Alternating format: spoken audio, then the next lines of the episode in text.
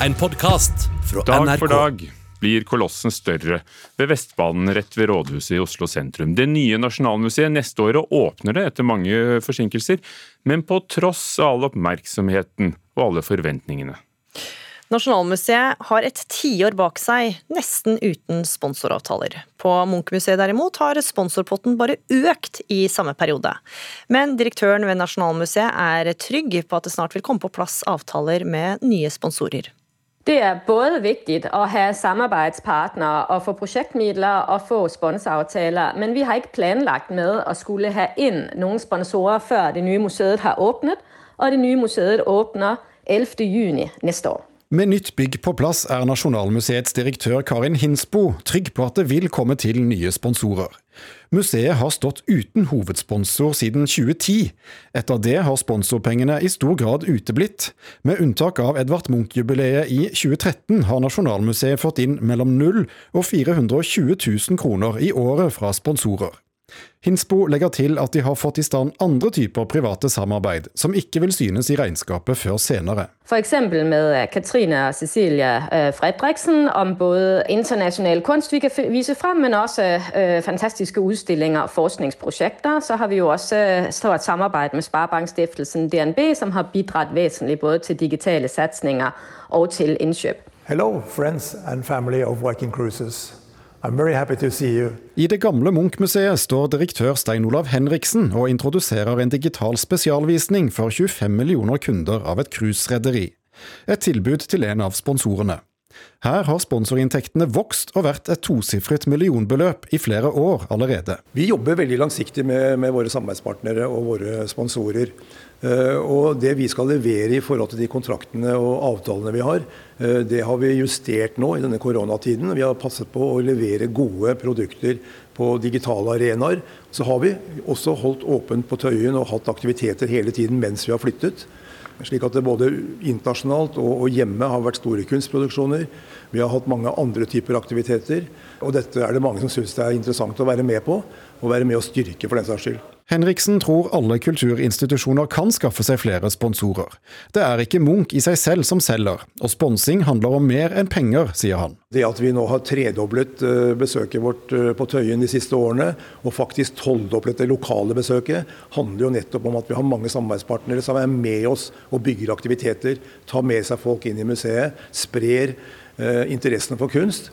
Det har vært utrolig viktig verktøy for å bygge et, et større publikum og være mer relevant for samfunnet rundt oss. Et museum som Nasjonalmuseet blir nødt til å skaffe seg sponsorer på sikt. For et, et museum uten eh, sponsorer, de har altfor få ambisjoner. Det sa Magne Lerøe i 2010, den gang redaktør i ukeavisen Ledelse, som nå har blitt til dagens perspektiv. Nå er han også redaktør i magasinet Kulturplott. I dag velger Lerøe å tro nasjonalmuseumsdirektøren på at mye faller på plass når det nye bygget åpner. Altså, jeg tror det er helt nødvendig. For disse museene her har man jo investert milliarder i, i å få opp, eh, få opp nye lokaler. Og Det på en måte tvinger museet til å se de mulighetene som ligger der. Han har et godt råd til museumsledelsen. Museene må sette egne folk på rett og slett oppgaven å skaffe samarbeidspartnere som kan bidra økonomisk til driften. Vi opplever jo en veldig stor interesse for Nasjonalmuseet øh, i Norge. Så jeg tror jo, det er et veldig stort potensial for, at vi kan knytte til oss øh, gode, solide samarbeidspartnere og sponsorer. Og reporter i denne saken var Thomas Alvarstein Ove. Agnes Moxnes, kulturkommentator i NRK. Er det spesielt at Nasjonalmuseet har stått uten hovedsponsor i mer enn ti år? Jeg vet ikke hvor spesielt det er, men det er i hvert fall ikke spesielt bra. Og det er i hvert fall ikke et svar på Solberg-regjeringens eh, kulturpolitiske føringer om at eh, institusjoner som Nasjonalmuseet må ha flere økonomiske bein å stå på enn de pengene som kommer fra stat og kommune. Både Nasjonalmuseet og Munchmuseet har jo vært igjennom, eller er i, inne i en veldig spesiell eh, periode, tiår nå, fordi de bygger svære bygg. Eh, Men eh, Munchmuseet har jo løst det veldig offensivt, og det har altså ikke Nasjonalmuseet gjort. Men det er jo et stort statlig museum. Hvorfor er det så viktig for dem da også å ha sponsorer?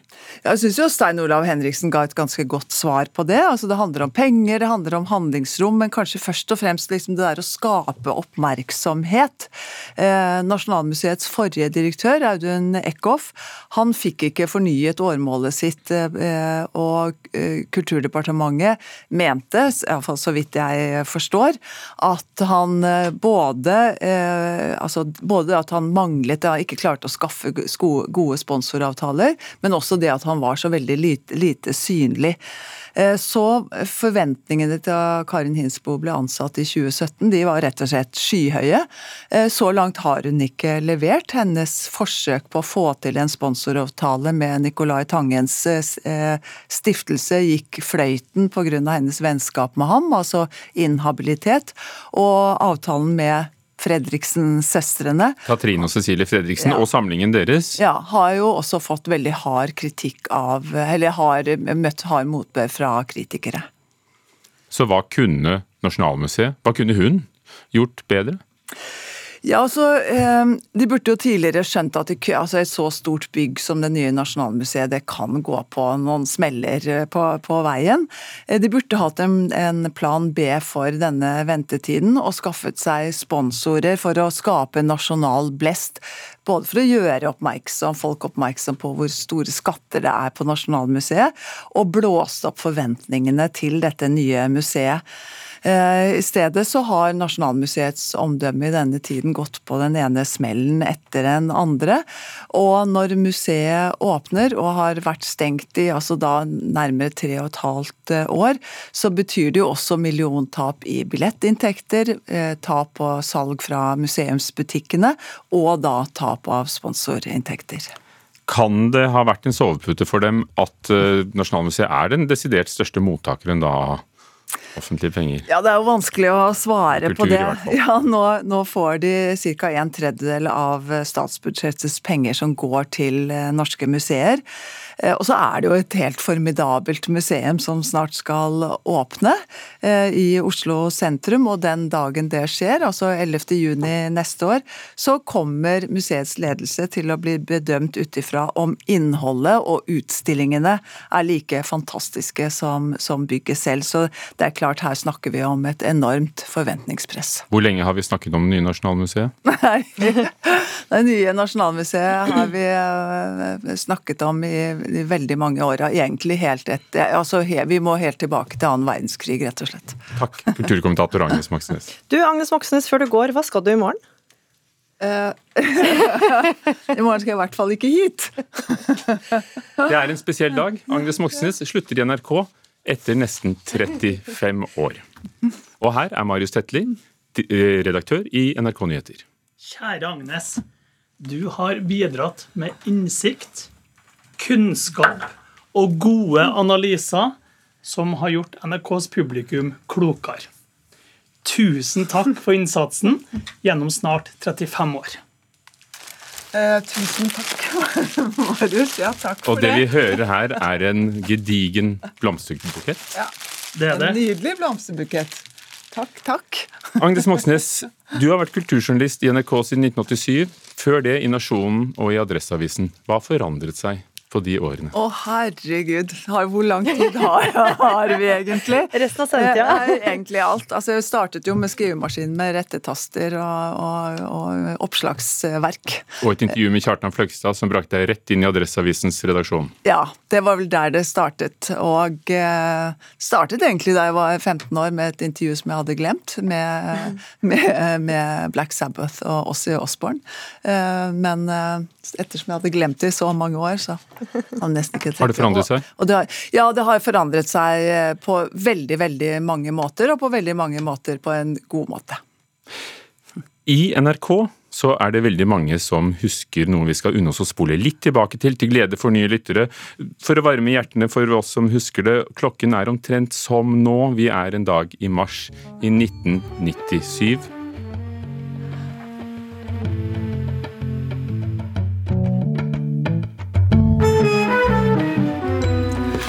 Det blir mye snadder for dannede mennesker i dagens utgave av Herfra til halv ti kulturbeite. Det vil vel også si at programleder Agnes Moxnes raskt bør vise seg innholdet verdig og si riktig god morgen. Og så må jeg begrunne Ja, dannelsesnivået. å her kommer Dag Ibsen etter hvert. Han var gjest den morgenen. Klokken var eh, halv ni. Hvilke tanker gjør du deg? Eh, Jeg hører jo at det går litt langsommere, at stemmen min er litt eh, annerledes. Introen, kjenningsmusikken er annerledes. Men altså, jeg jobbet i, som programleder i Kulturbeite i veldig mange år. Veldig mye av det jeg har lært, syns jeg har lært jeg i den tiden der. Så det var rett og slett et, et, et fantastisk Jeg vet ikke hvor lang tid det var, ti år eller noe sånt nå. Hvor blant annet du og jeg også begynte å gjøre- eller jobbet sammen i mange år. Agnes Moxnes, takk skal du ha. Takk for følget. La oss danse ut.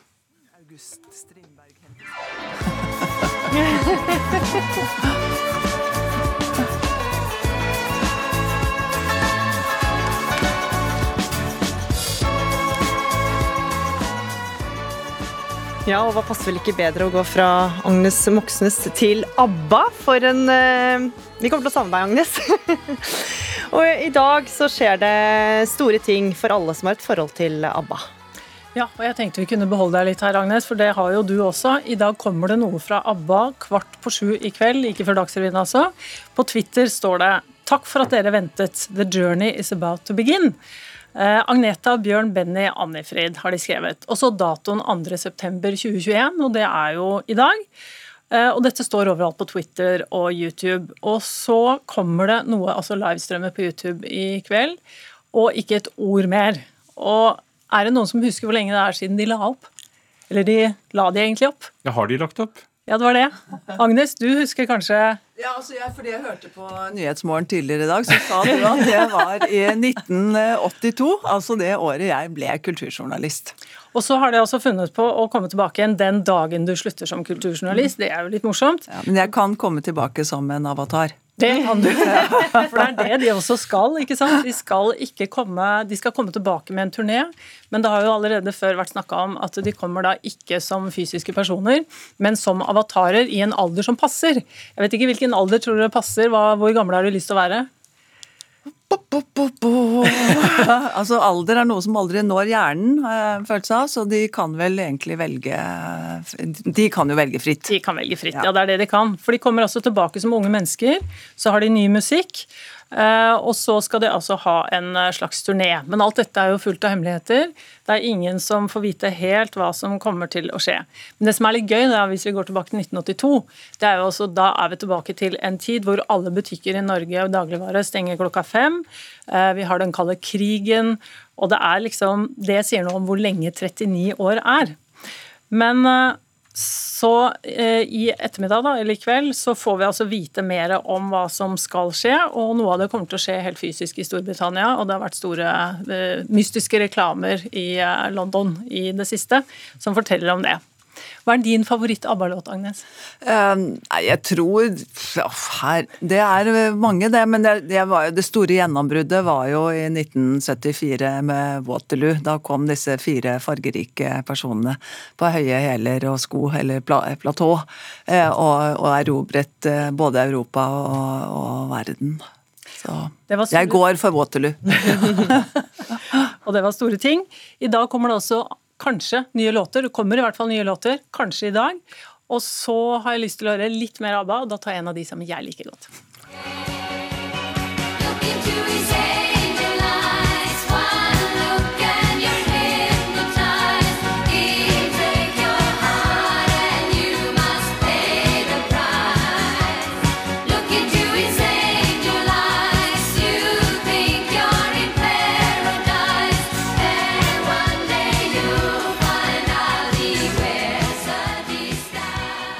er kanskje forskjellige meninger om hvem som var Norges største band gjennom tidene, men mange er enige i at det er Aha! Og nå kommer filmen Aha, The Movie. Vår kritiker Birger Vestmo har allerede sett den. How can we get out of Norway?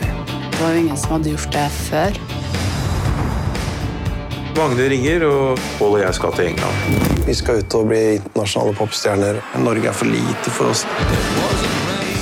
Må ha vært en stor og vanskelig oppgave å kapsle inn tre nasjonale ikonas snart 40 år lange karriere i løpet av 1 time og 39 minutter. Thomas Robsams A-ha The Movie er heldigvis en fengende og engasjerende dokumentarfilm, som ikke bare skildrer gruppas vei mot suksess. Den forteller òg om tre sterke, egenrådige og sjølbevisste personligheter som ofte trekker i hver sin retning, og den musikalske magien som oppstår på tross av anstrengte relasjoner og kunstneriske politiske stridigheter. Du har kanskje hørt historien før, men ikke så åpen, ærlig og intim. Faktisk etterlater den seeren med et ønske om mer, for man har sjelden sett og hørt dem snakke om seg sjøl og hverandre så utleverende som de gjør her. Derfor er A-ha The Movie et viktig og vellaga dokument over Norges største band gjennom tidene. Satt på en sånn liten bedsit i London og skulle vise låter, da. We didn't have a plan B, because plan B, you've already started doubting plan A. Klarer dere å bli verdensberømt? Filmen følger en kjent fortellerteknisk struktur, der en tidslinje fra nær samtid alternerer med en kronologisk skildring av a-has opphav, gjennombrudd og karriere. Karene er blitt intervjua over en fireårsperiode, betegnende nok hver for seg, og Paul Voktor Savoy stakk av en eller annen grunn bare på engelsk. Har man fulgt dem tett gjennom årene, er det kanskje lite nytt og uventa som avdekkes, men filmen gir et klarere bilde av hva som driver dem, og hva som plager dem. De snakker villig vekk om interne konflikter konflikter, berømmelsens pris og flere av feilgrepene de har gjort i løpet av karrieren. Robsam og fotograf og korregissør Aslaug Holm har fått dem til å åpne seg i større grad enn man har sett tidligere, og gir følelsen av at de er ærlige på hva det faktisk har kosta dem å holde sammen i så mange år. Problemene krystalliserer seg opp ganske raskt. Jeg kan ikke drive sånn og gnåle. Ikke si at det er fint. Til slutt så står man sånn og har bare lyst til å kline hverandre ned, liksom. A-ha The Movie forteller bandets historie på en formessig gjennomført måte, som kan være spennende, sprudlende og strømlinjeforma i det ene øyeblikket, for så å være still, nær og reflektert i det neste. Vi får flere private innblikk gjennom en rik tilgang på gamle bilder og videoopptak fra både turné, studio, bryllup og hjemmeliv. Thomas Robsam har laga en imponerende dokumentarfilm som belyser godt hvordan a-ha har opparbeida sin fortjente stjernestatus, men òg hvordan det kreative samarbeidet er vanskelig, betent og komplisert for tre musikere som vil det samme, men ikke alltid på den samme måten. Filmen fyller en med fornya beundring over alt de likevel har fått til, sammen. Terningkast fem. A-ha, The Movie premiere i morgen over hele landet. Og så er det jo sånn at alle filmene som kommer, blir anmeldt på Filmpolitiets sider eller nrk.no anmeldelser. Blant annet det som var åpningsfilmen på filmfestivalen i Venezia, hvor Birger Vestmo er Pedro Almadovars siste parallelle mødre. Hva syns han om den? Se det på Filmpolitiets sider. Du har hørt en podkast fra NRK. Hør flere podkaster og din favorittkanal i appen NRK Radio.